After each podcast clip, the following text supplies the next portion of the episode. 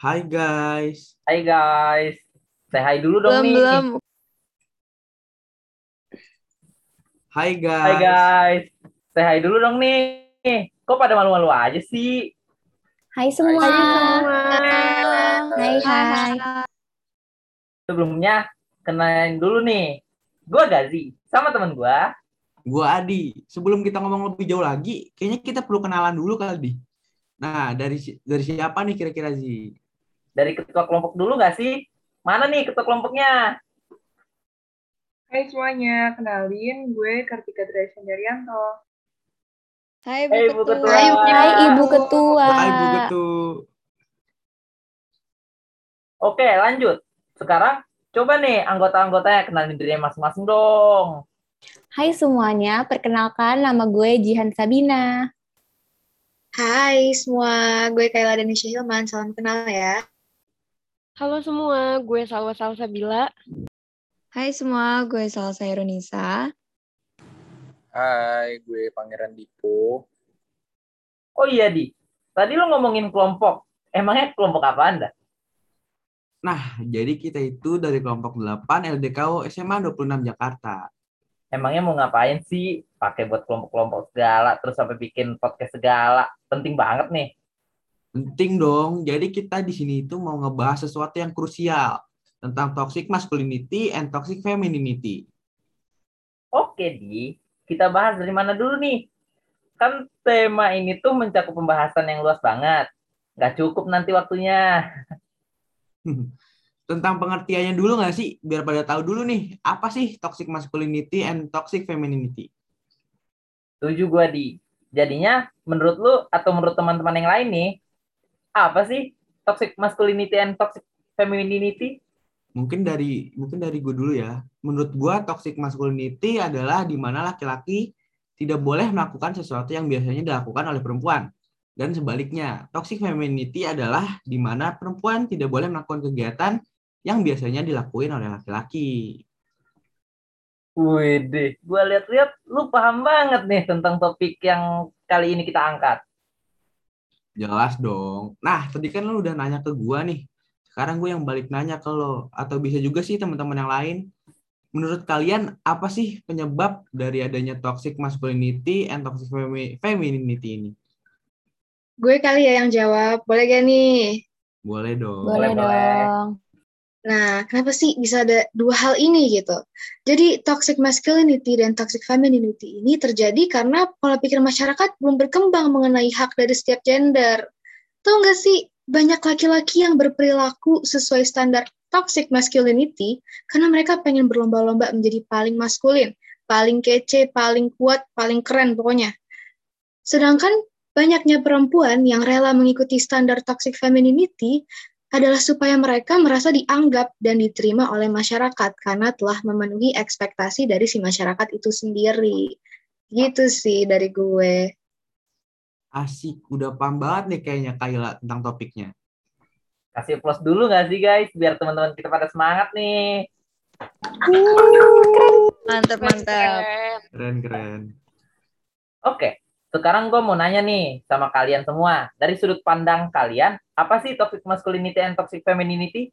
Kayaknya dari gue dulu sih ya. Kalau menurut gue, tema kampanye kali ini yaitu toxic masculinity and toxic femininity itu anggapan sempit terkait peran gender tersebut. Contohnya seperti laki-laki nggak boleh pakai baju yang warnanya biasanya ciri khas dengan perempuan, sedangkan perempuan tidak boleh untuk sekolah tinggi-tinggi. Itu aja sih pengertian dari sudut pandang gue ya. Widih, kece juga lo Zi. Makasih Adi. Sekarang bisa kali ibu ketua kita nih, Kartika, buat jelasin apa sih itu toxic masculinity and toxic femininity dari kacamata sudut pandang ibu ketua. Wah, akhirnya nih gue dapet kesempatan ngomong. Makasih ya buat Gazi sama Adi yang udah jelasin dan udah kasih pandangannya tentang topik ini. Kalau menurut gue ya, toxic masculinity and toxic fem- femininity itu dua-duanya kayak mengkotak-kotakan gender yang ada gitu nggak sih? Kadang juga sampai nggak masuk akal karena peri- perilaku kita harus dibatasin gitu aja hanya karena perbedaan gender. Ya, yang namanya manusia kan punya sifat dan perilaku yang berbeda-beda. Dan itu nggak bisa sama sekali buat dikotakin dari gendernya aja. gue di sini ngelihat dari perspektif perempuan juga sebel sih, soalnya hal ini tuh bikin perempuan jadi kelihatan lemah. Seakan-akan perempuan tuh nggak bisa buat jadi sosok yang kuat. Dan dari sisi laki-laki juga pastinya dirugikan, karena kan ya nggak masuk akal kalau ada manusia yang bisa hidup tanpa rasa sedih, apalagi tanpa air mata gitu. Makanya kita di sini harus banget nunjukin kalau perempuan dan laki-laki itu bisa aja kok ngelakuin hal yang sama, hidup dengan cara yang sama tanpa dipersempit atau dikekang dengan pola pikir yang ada di masyarakat. Gitu sih. Wih, setuju banget gue sama Ibu Ketua. Sekarang boleh kali ya Jihan buat jelasin pendapat, pendapat lu tentang topik kali ini. Oke, makasih ya di kalau dari point of view gue, toxic masculinity ini adalah anggapan bahwa cowok-cowok itu in order to look macho, dia harus ngerokok, suka main bola, nggak boleh skincarean, dan lain-lain. Di situ salah besar sih. Kenapa? Karena stigma itu bisa membuat kalian ngejudge orang lain dengan sembarangan. Dan mungkin Mungkin ya, di depan kalian ketawa, tetapi hal itu bisa menyakiti orang tersebut loh. Dan bahkan dampak lainnya adalah membuat orang tersebut jadi insecure dan overthinking.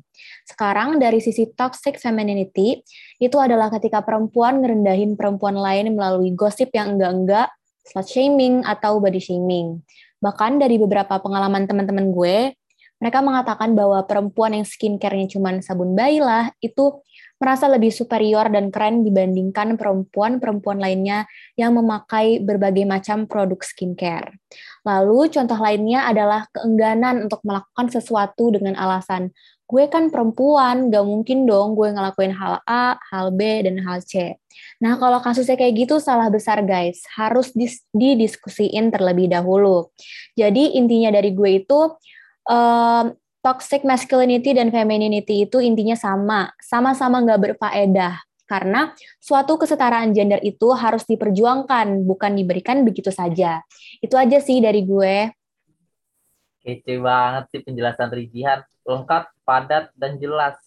Sekarang nih, dipersilahkan Kaila untuk menyampaikan pendapatnya tentang topik ini. Oke, okay, thank you Gazi. Nah, sesuai dari namanya aja ya, dua-duanya mengandung kata toxic gitu. Jadi toxic masculinity dan toxic femininity bagi gue adalah pemikiran yang toxic mengenai standarisasi yang diciptakan masyarakat terhadap laki-laki maupun perempuan. Karena dari namanya aja udah toxic, jadi pastinya akan mendatangkan dampak yang buruk, baik bagi untuk diri kita sendiri maupun orang lain. Makanya kita harus buang jauh-jauh lah pola pikir yang terkesan kuno kayak gini ya. Karena kita sendiri udah hidup di zaman yang modern dan maju. Jadi udah seharusnya lah kita memiliki pola pikir yang maju juga. Gitu sih dari gue. Keren banget sih penjelasan dari kalian menurut gue. Nah sekarang giliran Salwa nih. Menurut Salwa dari sudut pandang lu, apa sih yang dinamakan toxic femininity and toxic masculinity? Wah, dari gue sendiri sih kurang lebih sama ya kayak yang lain. Toxic masculinity dan femininity, femininity itu aneh gak sih? Kita harus ngikutin standar gender. Padahal diri kita sendiri punya kapabilitas masing-masing yang gak bisa disamain. Nih, dari pengalaman gue ya, gue kan gak bisa masak. Terus ada yang bilang gini ke gue, wah, lu cewek beneran gak sih? Masa masak doang gak bisa? Gue tuh kayak langsung, apa jangan-jangan gue bukan cewek nih? Padahal kan cewek tuh nggak harus selalu bisa masak gak sih? Ada juga ya dari pengalaman temen cowok gue yang rambutnya gondrong. Jadi dia itu sering dikatain gak maco dan dibilang mirip kayak perempuan. Padahal itu semua pemahaman orang-orang doang, bukan? Kita harus end stigma atau mengakhiri pemahaman yang salah kayak gini. Pastinya banyak dampak negatif yang dihasilkan, dan kita nggak tahu apa yang orang lain rasakan. Bisa aja kan mereka yang dituntut mengikuti standar gender jadi overthinking, insecure, atau bahkan sampai depresi. Intinya ya, perempuan ataupun laki-laki itu punya hak yang setara sesuai dengan kapabilitasnya masing-masing. Setuju banget sih gue sama penjelasannya Salwa nih. Keren banget. Nah, sekarang tinggal dua nih. Ada Dipo, ada Salsa. Menurut kalian, gimana nih tentang toxic masculinity and toxic femininity? Dari gue dulu deh pertama-tama gue minta maaf dulu kalau misalkan rumah gue banyak berisik atau apa apa ya. Tapi menurut gue tuh toxic femininity ini tuh anggapan bahwa perempuan hidup hanya buat mengurus keluarga doang nggak boleh mencapai pendidikan yang tinggi gitu. Padahal seharusnya perempuan tuh diberi kebebasan untuk menempuh pendidikannya nggak sih? Nah toxic masculinity ini tuh pemikiran di mana cowok nggak perlu bisa masak, nggak perlu bisa cuci piring atau ngerjain pekerjaan perempuan yang lainnya. Pemikiran kayak gitu tuh salah banget teman-teman. Jadi kita harus berani untuk hilangin pola pikiran kayak gitu. Nah itu aja sih menurut gua. Kalau yang lain gimana?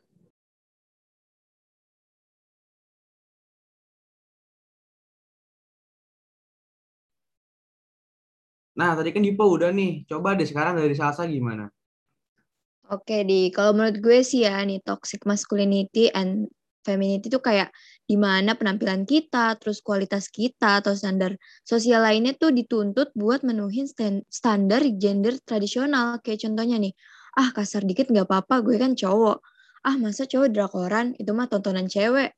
Cowok tuh nggak boleh nangis kayak cewek aja. Kalau buat cewek nih, misal dari penampilan, ih rambutnya pendek banget kayak cowok. Cewek tuh harus bisa masak tahu. Terus kayak kok bajunya kayak cowok sih yang gitu-gitu sih contoh yang sering banget masih kita denger atau bahkan kita alamin. Padahal kayak gini udah gak relevan banget terlebih sama posisi cewek di zaman sekarang. Jadi sebenarnya tuh kita semua tetap bisa jadi manusia seutuhnya yang punya keinginan dan pilihannya sendiri sih guys. Itu dari gue. Emang sebenarnya nih teman-teman kita udah pada tahu tentang toxic femininity and toxic masculinity sih. Bener banget. Teman-teman ada yang tahu nggak nih cara buat meminimalisir supaya nggak terjadi lagi kejadian toxic femininity and toxic masculinity? Mungkin teman-teman yang lain bisa bantu jawab nih. Oke, mungkin gue bantu jawab kali ya. Pastinya dengan mengedukasi diri sendiri. Nih, yang kalian lagi lakuin sekarang itu dengan mendengarkan podcast dari campaign kita sehingga akan menambah wawasan kalian. Lalu jangan pernah merendahkan dan menghakimi baik sesama laki-laki dan perempuan. Selain itu, jangan menjadikan kata macho sebagai standarisasi kekerasan dan mengurangi adanya gosip yang menimbulkan tekanan sosial atau peer pressure. Itu sih guys cara-cara untuk meminimalisir toxic femininity and masculinity.